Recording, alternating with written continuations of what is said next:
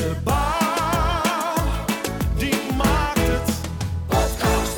Welkom, leuk dat je weer luistert. Dit is aflevering 16 van de Bouwmarkt het podcast. Mijn naam is Iman de Vries en in deze aflevering ga ik het met Carlo van der Weijer, Director Smart Mobility bij de Technische Universiteit Eindhoven en Roeland Veldboer, directeur infra regionale projecten bij Dura Vermeer, het hebben over de toekomst van infrastructuur in Nederland. Welke uitdagingen staan ons te wachten? Rijden we bijvoorbeeld allemaal over een tijdje in zelfrijdende auto's en zijn de wegen daarvoor wel geschikt? We doen het in Nederland qua infrastructuur goed, maar dat is nog geen reden om tevreden op onze handen te gaan zitten. De bevolking blijft groeien en daarmee ook de reisbewegingen. En aangezien de meeste mensen niet heel Nederland in asfalt willen zien verdwijnen, zullen we moeten innoveren. Hoe maken we de infra nou veiliger, slimmer en groener? Nou, daar gaan we het over hebben in deze aflevering. Eh, Carlo en Roeland, leuk dat jullie er zijn. Fijn, Ja. fijn, fijn om er te zijn. Ja, Ja, hartstikke leuk. Zin Eh, in. dank. Zin in. Nou, ik zei het dus net heel stellig. eh, volgens mij is het heel goed gesteld op zich met de Nederlandse infrastructuur. Maar is dat ook zo? Nou, dan eh, als je, als je, hè, je, je vraagt het gelijk en ik voelde me ook gelijk aangesproken. Maar, ik zag een reactie. ja, ja, ja, precies, precies. Nee, maar eh, als, als ik heel eerlijk mag zijn,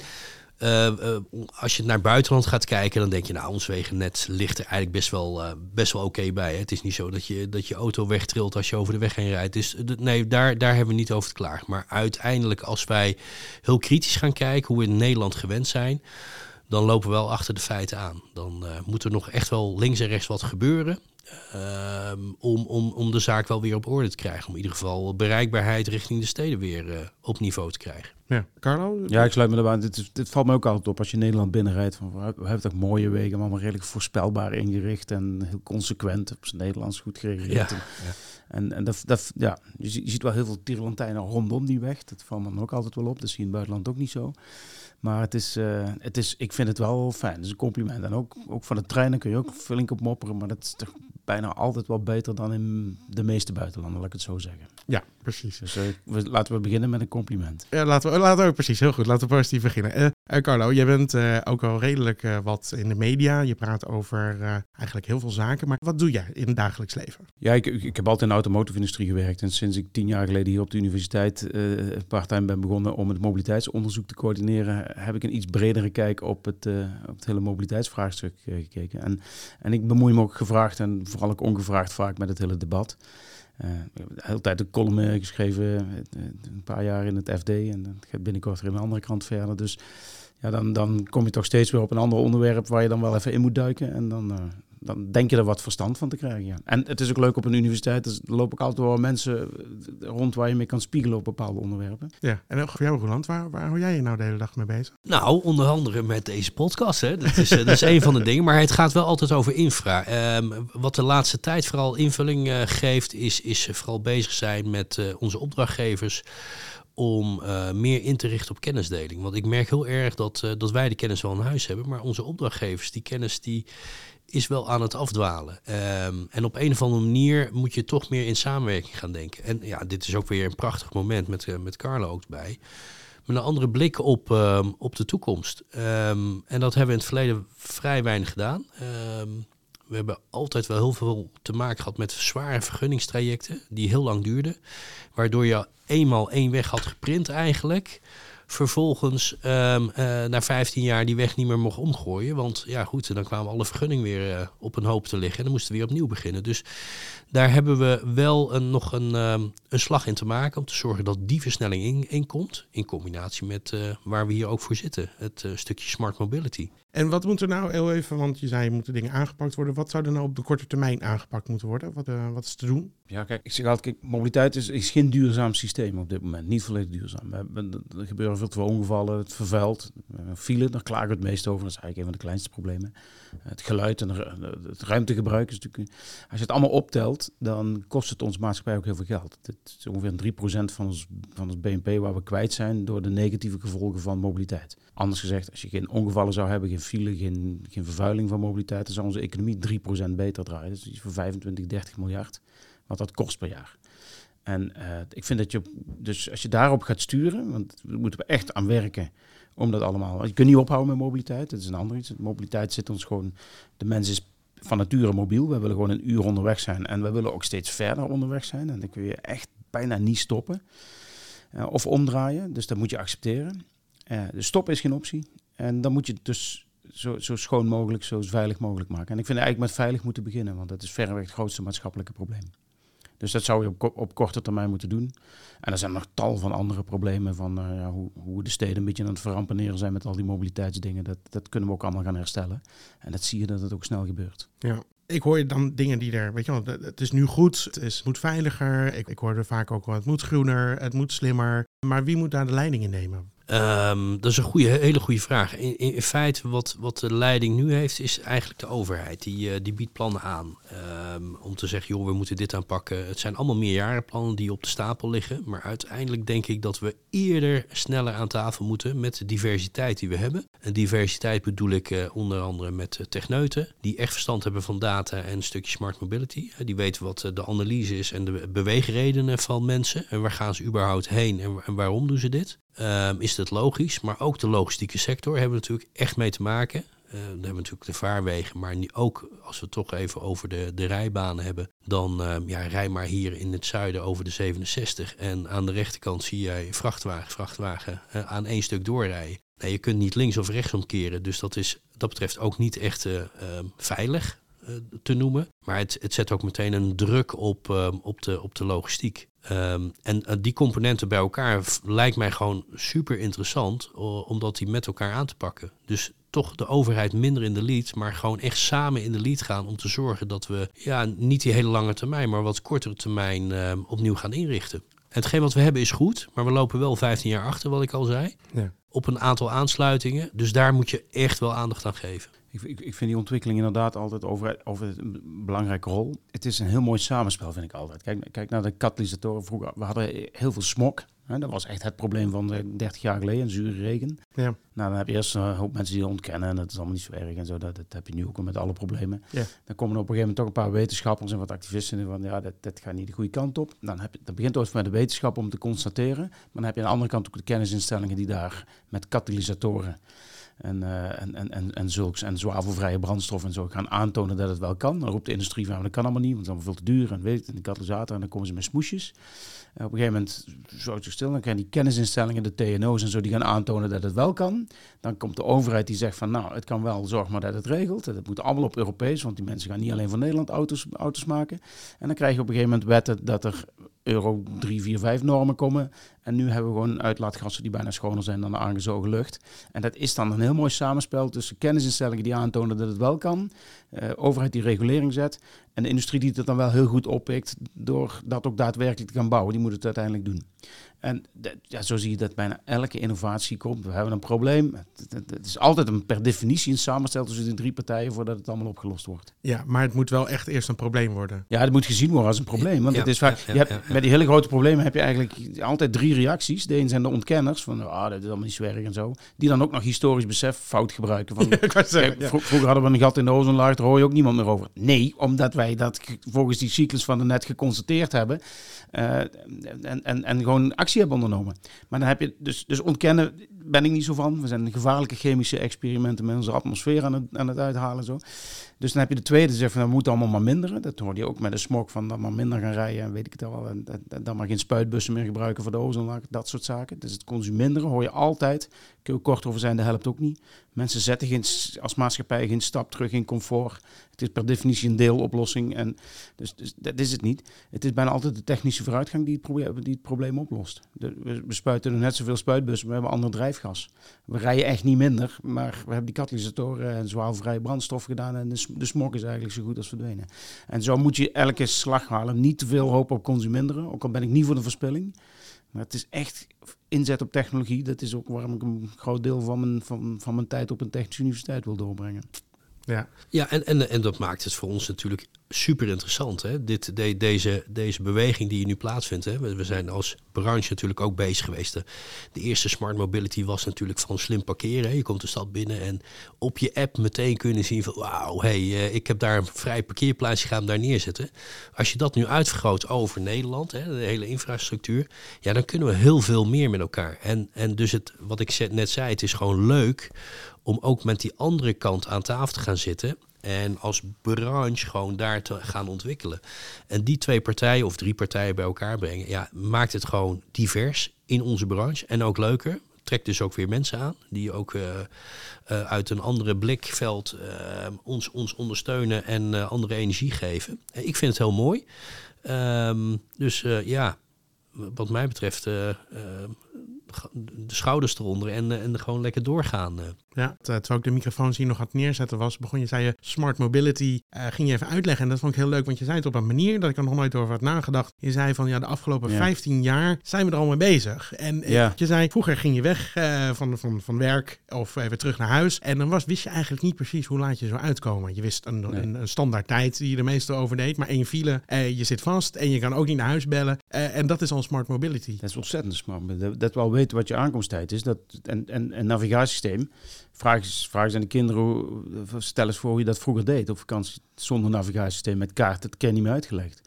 En dat is, dat is wel, want smart mobility heeft, heeft altijd een naam gekregen met een enorm hoog verwachtingspatroon. Dat allemaal vliegende auto's en Nou, dat heb ik wel. Dat wou ik een beetje ja, zeggen. precies. En maar dat is- zelfrijdende auto's. Dus het zijn die, die, die, die hypes waar nogal over uh, achteraan gelopen wordt. Die Ga ik zijn- wel, die zijn er over heel- hebben hoor. Die zijn er heel veel over mobiliteit. Ja. Dus, dus kijk, en, en dan zeg ja, waar zijn ze? Hè? Waar, is de, waar is de flying car? Dat wordt Ja. echt heel vaak gevraagd. En als je ziet wat er tussen gebeurt, ook overigens of ze Nederlandse infrastructuur hebben. In het, in het buitenland sta je ontzettend lang voor rood licht te wachten. In Nederland, waar je ook s'nachts aankomt en dan schiet netjes op groen en zo allemaal. Dat is, dat is toch wel hele fijne smart mobility die we allemaal al, onder ons hebben. Maar waar we een klein beetje, eh, ja, vinden we normaal. Maar daar zit al heel wat. En, en ook wat we zeiden, dat als je kijkt hoe verschrikkelijk veiliger auto's nu al geworden zijn. En niet alleen passief, maar ook actieve veiligheid. Dus de meeste ongevallen die nu gebeuren, die echt, echt, echt merendeel had voorkomen kunnen worden met techniek die al op de plank ligt. Dus we moeten wel zorgen dat die techniek sneller op de weg is.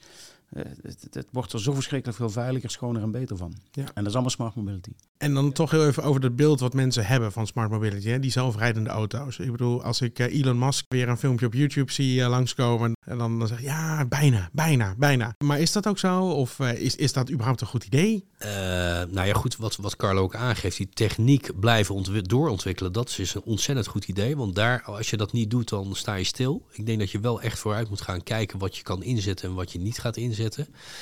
Ehm, maar ja, goed, eh, eh, we- raken wel steeds meer dichter bevolkt. Hè? Dus, dus eh, de omstandigheden worden veranderen ook. Dus ehm, ehm, ik, ik ben al een paar jaar terug ook vanuit Bouw Nederland mochten we, werden we uitgenodigd om naar Tesla te gaan. En toen waren die eerste Tesla-auto's, die, die reden hier rond. Gingen op de eerste plaats heel hard, kon je optrekken. Dat was wel, was wel leuk. maar anderzijds hebben we natuurlijk ook die technieken in die auto gezien. En daar kon eigenlijk al, kon je gewoon zitten ehm, ehm, zonder dat je stuur aanraakte. En dan je gaf hem gewoon aan op je navigatie en hij reed gewoon zijn rondje door Tilburg heen.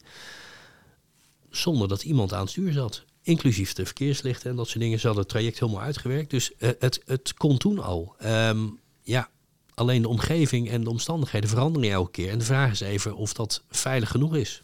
Het is een beetje de definitie hoe je zelfrijdende auto definieert. Dat is ook wel een beetje lastig. Want als je Nou, mijn definitie- Ja. zou Ja. zijn eigenlijk dat Oh, ik heb een auto, mis- als ik er, nee, ik heb er niet één, maar wat ik zou willen als, Ja. als ik erin, is dat er, er staat iets wat van mij is voor de deur. Maar het moet wel voor jou zijn. Dat vind ik al Ja, interessant. dat vind ik dan, dat, ja, dat, gaat- dat je ben gaat ik dan. niet delen. Ja, over de hele straat dat ik altijd beschikkingen toe heb. Oh, dat je is, moet- dat ah, is, ja, dat, je- dat, nou, altijd dat is dus voor, je, dus voor je eigen, zeg maar. Ja, eigenlijk wel. Dat, dat- verder, dan. En, en dat ik erin kan stappen en dat ik gewoon kan zeggen van... eh, eh, jongens, ik, ga, ik, ga, ik wil heel graag daar Maak, naartoe. maak mij maar wakker in Barcelona. Nou, Ja. bijvoorbeeld. Maak me wakker in Barcelona. Of dan kan ik met eh, de kinderen een spelletje in de auto doen... terwijl we onderweg zijn naar opa en oma, zoiets. Dat, dat, dat is toch een beetje de gedachte die ik erbij heb. Nou kijk, wa- wat, wat je nu hebt is wat we net beschrijft in, in Tilburg. Dat in ieder geval voor een, misschien 90% van de situaties dat je best een zelfrijdende auto kunt hebben. En dan ga je dan flink ontwikkelen en dan wordt het 95, wordt op een gegeven moment 99%. Die laatste procent is misschien wel 99% van het probleem. Je hebt zo'n 80-20 regel. Ik denk met zelfrijdende auto is het een 99-1 regel. Dat die laatste procent om alle gevallen bij elk weer en elke situatie en Amsterdamse gracht en weet ik het allemaal, om daar zelf te rijden, kost misschien wel 99% van de moeite. Moet nog een keer 100 keer wat we al gedaan hebben aan investeringen, moet er nog een keer geïnvesteerd worden. En mijn punt is dat ik niet denk dat daar een case voor is. Ik weet niet, je hoort allemaal van die use cases. Ja, dan kunnen oude mensen van dorp en zo weer ons nou, die, die willen vooral een chauffeur. Die hebben, het gaat niet over het rijden, is veel meer.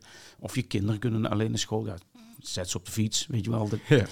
Het is elke keer een, een, een oplossing voor mij op zoek naar een probleem. Voor die laatste procent waar ik het over heb. Want als ik een auto heb, zoals jij het net beschrijft. Mhm. die inderdaad waar ik een stukje mee rij en die dan op de snelweg en in de files en steeds grotere stukken gaat overnemen van mij. Dat ik in ieder geval naar Barcelona toch een 80, 90 procent van de tijd even niet zo op hoef te letten of iets anders kan doen. Dan is voor mij het probleem eigenlijk wel opgelost. En daarom denk ik dat we niet veel verder raken dan zulk. Dus ik geloof wel in autonome auto's, zelfrijdende auto's, maar geen auto die geen chauffeur meer nodig heeft. En dan zijn wij hier ook veel onderzoek aan doen naar dat moeilijke schakelmoment dat je niet aan het opletten bent en dat dan die auto op een gegeven moment vraagt van, oeh, nou wordt het wat moeilijk of gaat even opletten. Dat zijn wel moeilijke overgangen, dat moet nog allemaal gewerkt worden. Maar ik geloof wel dat we auto's krijgen die, die op een gegeven moment grotendeels zelf kunnen rijden. Maar ik, ik zie die chauffeur niet zo snel verdwijnen, omdat er geen probleem meer opgelost wordt. Ja, precies. Dat is, dat is mijn punt. Ja, en op zoek gaan naar waar de data moet zitten. De data buiten die die auto nodig heeft om daar eh, te kunnen rijden. En feitelijk hebben ze intern inhoudelijke, nou, nou ben ik niet zo'n heel deskundig iemand over dat gebied, maar ik denk, wat, wat ik nu zie, is dat de auto van zichzelf al heel veel ziet. Maar dat hij ook de signalen moet krijgen van eh, de dingen om hem heen. Hè? Dus, dus elementen en eh, lichtmasten en dat soort dingen. Ik- Ja, goed, daar, daar is nog een wereld in te winnen. Het is, wel leuk, want dat, lossen wij hier niet op, maar dat is bijna een religieuze discussie. Van, mo- moet zo'n auto nou afhankelijk zijn van signalen van de buiten? Dus moet die infrastructuur mee gaan denken? Of moet die auto gewoon juist onafhankelijk van die infrastructuur kunnen doen? Want als het een zelfrijdende autonome auto is, moet je juist niet afhankelijk van derde of van andere infrastructuur zijn. dat was dus vragen, ja. Dus, ja. dus moeten we dus infrastructuur nou slimmer of juist minder slim maken? Ik ben wel een klein beetje van het laatste eh, geloof.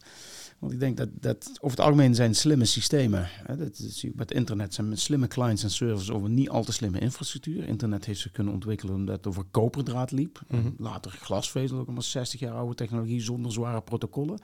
En dat is over het algemeen wel wat een slim systeem eh, beschrijft. Dus je zou eigenlijk verwachten dat je eigenlijk wat juist een stap terug moet zetten. En dan zit die intelligentie wel in de infrastructuur, maar meer in de basisfunctie. Water doorlaten, lang meegaan, z- onderhoudssignalen geven, dat soort dingen. Maar moet zich niet te veel met het verkeer gaan bemoeien. Dus de tijd van, van variable message signs en dingen boven de weg en variabele wisselstrook, al dat soort intelligentie. Hoe soberder het wegbeeld, hoe beter voor de slimme auto. Grappig. Dus mijn vraag was namelijk ook, ik had een vraag, van moeten we dan de infra erop aan gaan passen? Dat eh, is, maar eigenlijk zeg je nou, je moet het bijna meer eh dumb it down zo'n beetje. Je Ja, moet wel- het eigenlijk nog simpeler maken. Met de, voet, met de voetnoot dat dat nog een discussie is waar, waar verschillende bijna religieuze kampen zijn. Waar ik echt wel van overtuigd ben dat, dat het iets beter is om het wat te versoberen. Ja. Maar dat wil niet zeggen dat het onintelligent is. Want dan moet het juist die basisfunctie, eh, het versoberen van een wegbeeld, is ons, moet je er heel veel intelligentie voor hebben om het juist voorspelbaar te maken. Dat is eigenlijk wat we in Nederland redelijk goed doen. En dat is, dat is een kunst op zich. Dus het is niet zo dat wij de infrastructuurmensen, die zijn wel hard nodig, ook om het veilig in te richten. Maar we moeten ons niet te veel met een rijtaak gaan bemoeien vanuit een infrastructuur. Nee, want dat lijkt me dus zo lastig. Want je, je bedoel, je moet als je wil gaan innoveren op een, op een auto of een voertuig wat er eigenlijk nog niet bestaat. Ja, hoe moet je daarop gaan eh, voorbereiden? En het is ook niet alsof je alle wegen in Nederland eh, zomaar even hebt vervangen of zoiets. En hebt aangepast naar dat nieuwe systeem. Dat, wat moeten we dan doen? Want de, de- Het, het, het is, het is hand in hand gaan. Hè. De, eigenlijk wat Carlo wel aangeeft, ben ik deels mee eens. Anderzijds, hè, die markering, bijvoorbeeld heel simpel, die markering in een nacht rijden, hè, even het voorbeeld van die Die rijdt gewoon echt letterlijk op die markering. Die, ziet, die, die houdt je gewoon tussen die banen in. Als die markering weglaat, dan, eh, is die, eh, eh, dan rijdt hij alle kanten uit. Dus, dus uiteindelijk, als je dat in de auto brengt, is het ook prima. Maar dan heeft hij eigenlijk via denk satellieten en zo, heeft hij beeld nodig dat die weg daar ligt. Dus op een of andere manier, de connectie tussen beiden, die is er altijd. En ik ben het met Carlo wel eens dat de, de chipjes en de toestanden, die kun je allemaal aan de weg doen. Maar die moet je erin stoppen om het preventief onderhoud te regelen. Dus, dus je moet je niet maken voor de, de smart mobility van de auto, maar meer voor het onderhoud van die weg. Hè. De preventief, hè, dat, je, dat je goedkoper, sneller onderhoud kan, eh, kan eh, reguleren. Daar zie ik meer een, eh, een kwestie. Ik, moet- ik moet, als ik op een hotelkamer kom, zie ik af en toe zo'n hebben ze een- zo'n slot waar je een uit, uittrekkabel, eh, zo'n netwerkkabel die je uit kunt trekken. ja. En dan zie je een SD-kaart, zodat je foto's op televisie kunt laten zien. Allemaal van die ouderwetse dingen die we allemaal niet meer nodig hebben, omdat het gewoon wireless is en, en 220 meer heb je niet nodig. Ja. En dan moet ik altijd bij denken dat als je dus de infrastructuur aanpast aan die nieuwe moderne technologie, die technologie die verandert zo verschrikkelijk snel dat voordat het goed en wel allemaal aangelegd is, eh, hebben we weer een andere interface en zo. Er zit een VGA-interface in. Nou, dat was helemaal hip eh, tien jaar geleden. Dus, dus wegen die 30, 40, 50 jaar mee moeten gaan, hotelkamers die veel langer meegaan, moet je niet dat soort slimheid in gaan bouwen. Omdat de, de, de vernieuwingscyclus van die mobiele technologie en ook van de automotive technologie veel, veel kortcyclischer is. En dat maakt het ontzettend lastig om dat bij te houden, omdat dat, die cycli worden alleen maar korter, die versnelling en die innovatie. En, en, en daarom, ja, doe even je basis, zet er een goed bed neer en, eh, op zo'n hotelkamer. Maar ga je niet met dat soort dingen slimmen, want je bent te laat voordat je het goed en wel aangelegd hebt. Dus, Ja. dus daar moet ik altijd aan denken. Met je uittrekkabele, uit, uittrekbare wifi-kabel of uh, LAN-kabel. Dus de- deze PC zit niet eens meer een eh, Nee, connectie nee, ik, ik snap. Ja, nee, grappig. Ja, dat Ja. is wel een leuke Ja, ja, benadering. nee, dat, absoluut. En wat voor zaken, eh, oké, de, de zelfrijdende auto's hebben we even gehad. Wat, wat voor een eh, smart mobility, wat, wat, wat staat er kort op de planning, zullen we zeggen? Wat kunnen we binnenkort verwachten? Zijn er zaken dat jullie weten van, nou ja, dat- of waar je mee bezig bent? Of wat waar. Dat, dat, dat zelfrijden denk ik dus zeker dat we gezien dat want het kan wel auto's veiliger maken. Heel veel mensen zeggen, ja, moet de chauffeur eruit halen, want die maakt fouten. Dat is ook wel zo. Maar waarom zou je dat soort technologie, hè, die, die, die op een gegeven moment beter en, en eh, veel acuter kan reageren en zo, die gewoon veiliger kan maken, waarom zou je dat alleen in zelfrijdende auto's doen? Dat kun je veel eerder, veel goedkoper ook gewoon als assistentiesystemen doen. Ja. Dat zullen we zien. Eh, het wordt ook schoner, want elektrificatie komt snel omdat het gewoon goedkoper is. Heeft niks te maken dat het, goed, dat het schoner is, wat het wel is trouwens. Maar dat wordt gewoon goedkoper elektrisch rijden. Wordt de au- auto nog populairder. En dan kom je eigenlijk met het punt, als je al die nadelen die ik straks eh, heb, heb opgesomd van mobiliteit, dan wordt eigenlijk het ruimteprobleem het grootste probleem. Dus hoe, hoe gaan we ruimte creëren voor, als er nog meer auto's bij komen, nog meer verkeer? En, en wat dat betreft zie je die mooie andere ontwikkeling die, die nu echt herkent, is dat steden veel beter ingericht worden. En ze een beetje teruggaan naar de functie waar ze eigenlijk stad voor zijn. Hè? Waar mensen elkaar kunnen ontmoeten, waar ze kunnen handelen, en discussiëren en drinken, uitgaan, dat soort dingen. Daar hebben we ooit steden voor gemaakt. Hm. En op een gegeven moment stonden ze vol met auto's. Nou, die zie je, als je het nu al vergelijkt met de jaren 70, 80, zie je dat die auto al een klein beetje uit het beeld is. We hebben overigens nog veel meer auto's nu, maar je ziet ze in ieder geval niet meer in de steden. Dus het, het, het leefbaarder maken van steden. Veel aandacht voor de langzamere modaliteiten. Geef ruim baan voor de fiets, want dat is de win-win-win modaliteit. En hoe je ziet dat steden veel mooier aan het worden zijn, ja, dat, dat zie ik nog verder doorzetten. En, dat, en daar heeft de infra ontzettend belangrijke eh, Ja. een rol in. Ja. Ik denk ook dat dat, eh, dat, dat ook een, mogelijk een oplossing is hè, voor, voor de problematiek in de, in de steden. Want eh, uiteindelijk hoor je natuurlijk wel ook de overheid, maar ook eh, de markten omheen zeggen: joh, moeten de steden meer. eh, daar kan makkelijk wat meer eh, woningbouw bij, of eh, hoogbouw of wat dan ook. Je ziet allemaal maar eens aan te sluiten. Maar ja, goed, kijk, die ruimte wordt alleen maar minder daardoor.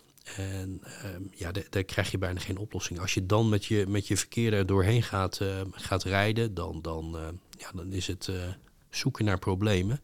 Dus ik, ik denk dat daar om de infrastructuur daaromheen, dat je die echt wel moet gaan verbeteren dan. Hè, dat is wat ik beginsel zei, van eh, ja, naar de steden toe, daar moet je gaan voorzien. En wat er in de steden gebeurt, ja, dat is gewoon, zijn gewoon slimme oplossingen. En, en daar kun je van daaruit wel eh, prima vervoer, andere vervoersbewegingen inzetten. En dan openbaar vervoer bijvoorbeeld als oplossing. Ja, dat is, als ruimte het probleem is, moet je zoveel mogelijk mensen één kant op richten. eh, en- dat is maar voor veel beter. En dan kun je heel veel mensen in één keer één kant op duwen.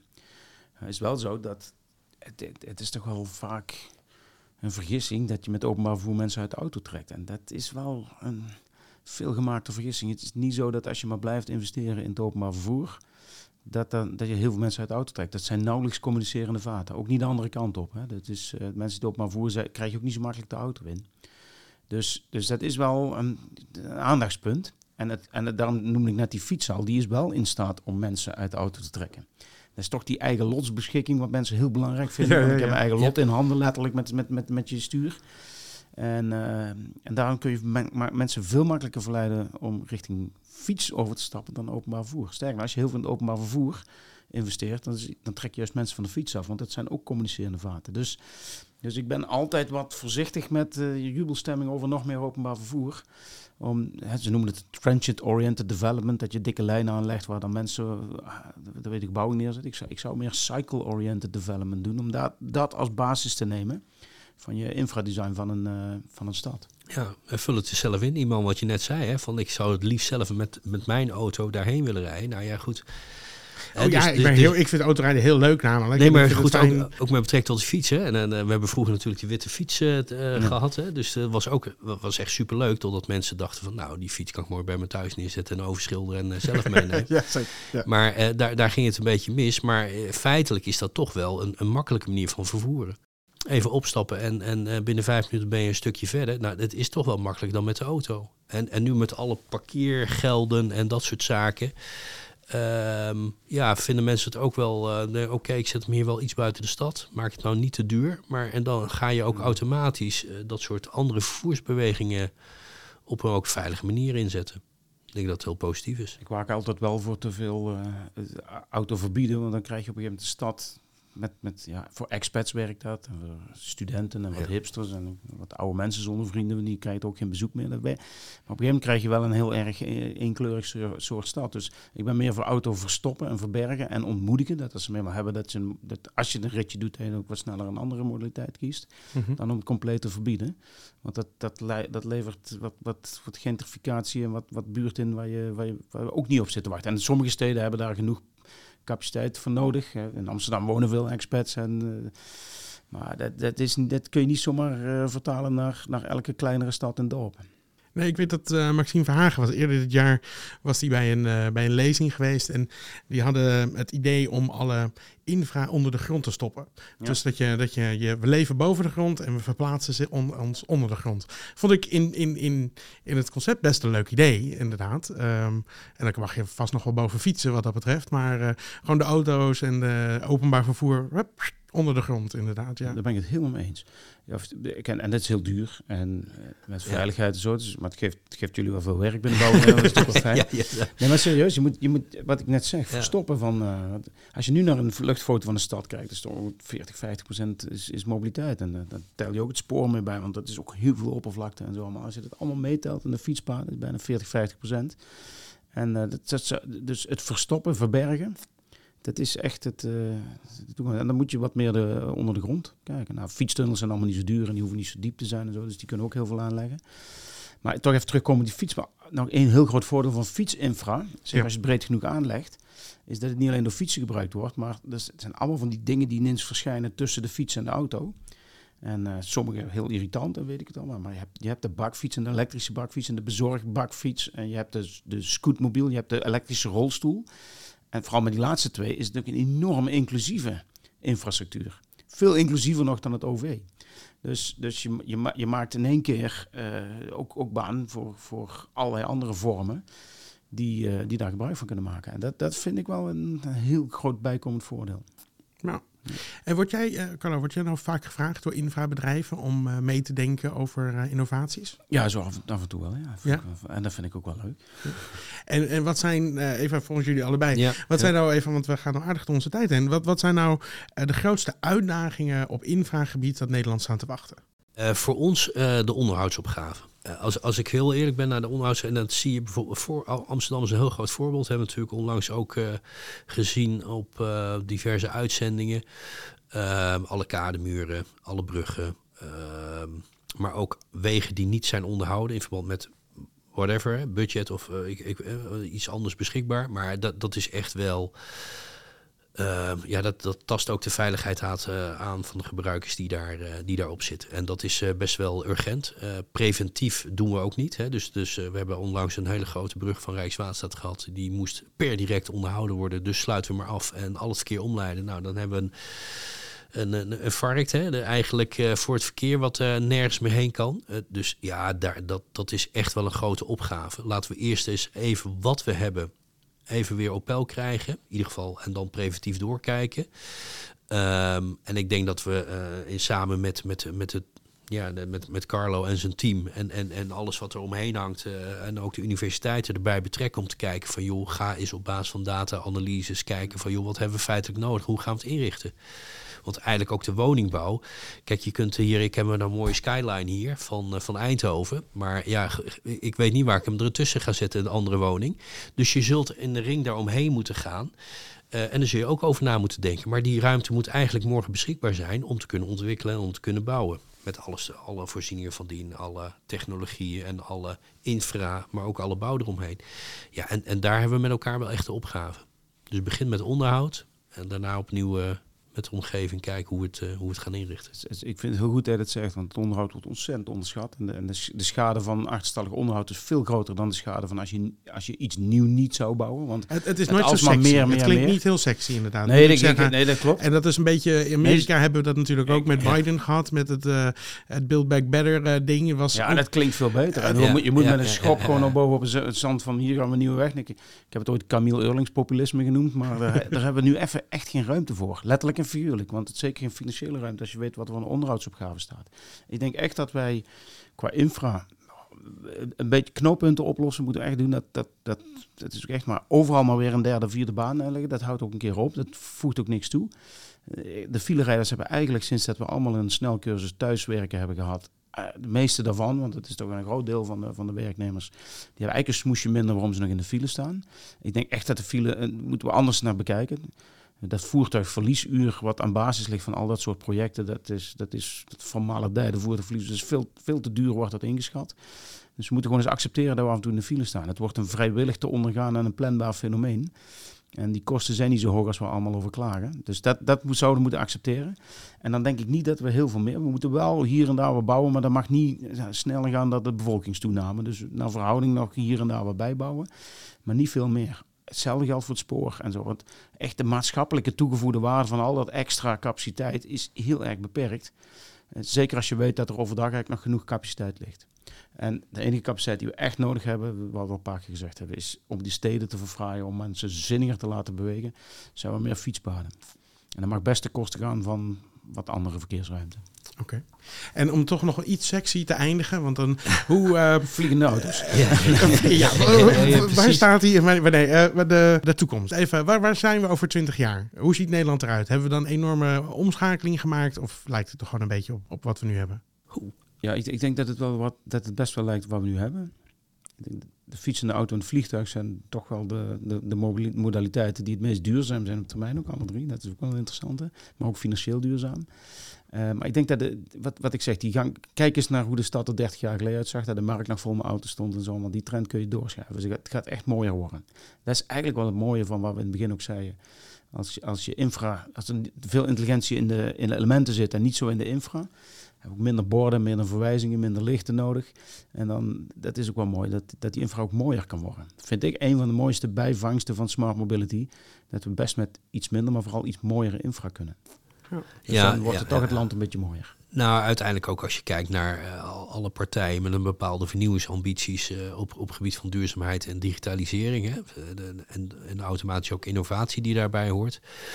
Ehm, zie ik daar echt over twintig jaar wel een grote verandering. Ook eh, hergebruik van materialen, circu- eh, circulaire economie en dat soort zaken. Ik, ik denk dat we daar echt op moeten door kunnen pakken. Het is ook gewoon veel te leuk om het niet te doen. Want er komen, er komen gewoon andere eh, dingen op je pad eh, waar je nog nooit mee bezig bent geweest. Dus dat betreft, ja, hoe mooi kan het zijn? En, en dan ook al andere mensen erbij, eh, nieuwe studenten die, eh, die er eh, echt mee begaan zijn. Nou ja, dat is wel een mooi plaatje om in te vullen. Dus ik denk over twintig jaar dat we echt wel eh, circulairder eh, bezig zijn. En, en ehm, als we dan terugkijken, denk ik dat we minder waste aan het doen zijn. Heel mooi. Dank jullie wel allebei. Graag gedaan. Leuk. Ja, dankjewel. Ik ga nog even koffie drinken met eh, Maxime Vragen. Koffie met Maxime Verhagen. Zo, Maxime, daar eh, zijn we weer. Weer aan het einde van de podcast. Ik heb het net gehad over smart mobility. En eh, daar hebben wij het ook al vaker over gehad. Ja. Inderdaad, over mobiliteit en dat soort zaken. Ja, zeker. Nou, ja, kijk, we, we zijn nu natuurlijk toch ook, ook in gesprek met eh, de minister van Ruimtelijke Ordening en de minister van Infrastructuur over de inrichting van ons land. Hè. Ik bedoel, dan moeten we toch, schaarse ruimte moeten we, moeten we eh, op een verstandige manier mee omgaan. Maar daar speelt mobiliteit natuurlijk een enorme rol, grote rol. Van hoe gaan we van A naar B? Hè, waar wonen we, waar werken we? Maar ook hoe gaan we van A naar B? En ehm, ja, er zijn verschillende keuzes. Blijven we toch in de Randstad? eh, de concentratie zoeken, dan zullen we echt eh, hier veel meer ondergronds eh, eigenlijk eh, mobiliteit moeten gaan, gaan nastreven. Ja. Metro's, maar ook, ook, ook meer tunnels voor, voor de wegen. Ben ik van overtuigd, omdat we ook de leefbaarheid in een druk bevolkt gebied, moet je toch ook ook oog voor hebben.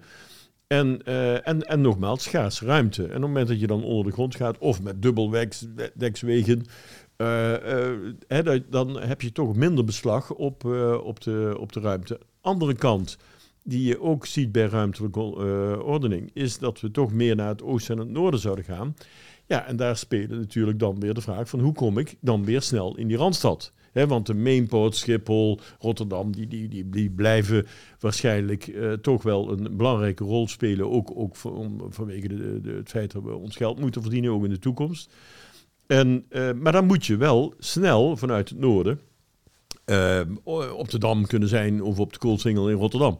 En dus eh, je, je, je zult dan veel snellere verbindingen naar het noorden en naar het oosten krijgen. Een, een lelielijn is er daar één van. Maar dus ook bij die ruimtelijke inrichting van ons land en die schaarste ruimte die we hebben, speelt mobiliteit een grote rol. En, en, en ook dus van hoe, hoe gaan we dat aanleggen in de toekomst. Ja, ja zeker. En eh, nou, dat ondergrondse plan, dat, dat, dat sprak Carlo eh, ook eh, aan. Die, maar dat zie ik ook wel voor me. Dan over boven bomen en af en toe komt er gewoon ergens af en toe een auto boven poppen. Of heb je een garage. Gewoon alles onder de grond. Dat lijkt me heel erg. Dat, Dat lijkt me zou heel mooi zijn. Ja, maar moet je eens bedenken wat, wat voor een tijdswinst je hebben, zou hebben als je bijvoorbeeld in de Randstad echt een goede metroverbinding hebt. Hè? Niet, niet zo'n Noord-Zuid-lijntje, nee, maar gewoon van Amsterdam naar Leiden, naar Den Haag, naar Rotterdam. Ja, En, en dat je, eh, ja, de, dat zou eh, toch een, eh, ja, behoorlijk wat, eh, wat schelen. En ik, eh, kijk, de, de gedachte, ik, ik zag het vandaag weer dat we weer 900 kilometer file hadden. Dus dan zul je ook op dat punt, zul je toch ook alternatieve vormen van vervoer moeten, moeten gaan, eh, gaan bedenken. Mhm. Ehm, maar eh, in ieder geval één ding toont het aan. Dat de volkomen misplaatste en idiote opmerking van het eh, Centraal Planbureau enige tijd geleden. Dat we niet meer hoefden te investeren in wegen, want iedereen bleef toch thuiswerken. Dat, dat deze zogenaamde wetenschappers eh, de plank volstrekt misgeslagen hebben. ja ik, ik, ik, dit is wel een pijnpuntje. Want ik denk dat dit de derde of vierde keer is dat we dit ook in de podcast Ja, maar het is nee, maar het is ook echt volslagen en ik, hoor, Ja, heb ze nooit meer gehoord sindsdien. hè, Nee, van, nee, ik eh, snap dat die dachten van... eh, oh, wacht, corona is voorbij. Iedereen gebruikt de weg weer. Eh, misschien was ons idee toch niet zo heel erg goed, inderdaad. Precies. Nee. Ehm, over eh, budgetten en dat soort dingen gesproken. Prinsjesdag. Hoe heb je dat ervaren? Want dat is eh, natuurlijk Ja. nu al wel weer even een tijdje terug. Maar Ja. Nee, maar het is, het is toch wel, wel goed dat er met name voor infrastructuur toch weer extra geld eh, gereserveerd is. eh, met name voor vervanging eh renovatie. Ja, er worden, toch weer ex- extra miljoenen voor, voor vrijgemaakt. En, terecht, maar we hadden natuurlijk te maken met, met achterstallig onderhoud. Dus die vervangen- en renovatieopgave, die, die zal van groot belang zijn. Ehm, tegelijkertijd zie je dat, dat gemeenten nu ook wat meer geld krijgen, maar dat is pas in 2026. Ehm, en het zou toch nodig zijn dat dat geld naar voren halen. Hè, eh, want want eh, de, ook de vervanging en renovatie van, van de lokale infrastructuur, die vraagt echt heel veel aandacht. Want daar zie je enorm veel achterstallig onderhoud. ja, dat hoorde ik En, en, ja. eh, en dat leidt, uitstel leidt hier tot grotere kosten. Eh, en want er lijkt wel even wel af, stellen dat, dat onderhoud even een jaartje uit. Maar we hebben het in Amsterdam gezien met de kademuren, dat je veel meer extra geld kwijt bent. eh op het moment dat je te laat eigenlijk gaat, eh, gaat eh, onderhouden. Ja, dan, eh, dan, dan Ja. tenminste even voor mijn beeld, is dan, dan is er zoveel schade, dan heeft het zoveel druk erop dat je eigenlijk gewoon eh, Ja, veel, veel, veel harder moet ingrijpen. veel harder moet ingrijpen en dus veel meer, eh, veel meer kosten moet maken om het, om het weer te herstellen. Eh, terwijl als je het regelmatig onderhoudt, dan, ja, dan, dan ben, je, ben je weliswaar het misschien eerder een deel van het geld kwijt, maar je bent over de totale levensduur ben je aanmerkelijk minder geld kwijt. Dus eh, hier geldt toch een beetje eh, eh, pennywise, pound foolish. Dus we moeten daar, daar echt dat onderhoud ook van de lokale infrastructuur zullen we veel meer aandacht moeten, moeten gaan schenken. En wat, wat ik toch wel een beetje mis is, eh, er zijn enorme ambities, ook voor de ontsluiting van, van nieuwe woonwijken. Hè, want er moeten toch ook in de komende jaren een miljoen huizen bij komen. En dat betekent dat die toch ook goed bereikbaar moeten zijn met fietspaden, openbaar vervoer, maar ook met, eh, met gewone wegen ehm, voor de automobiliteit.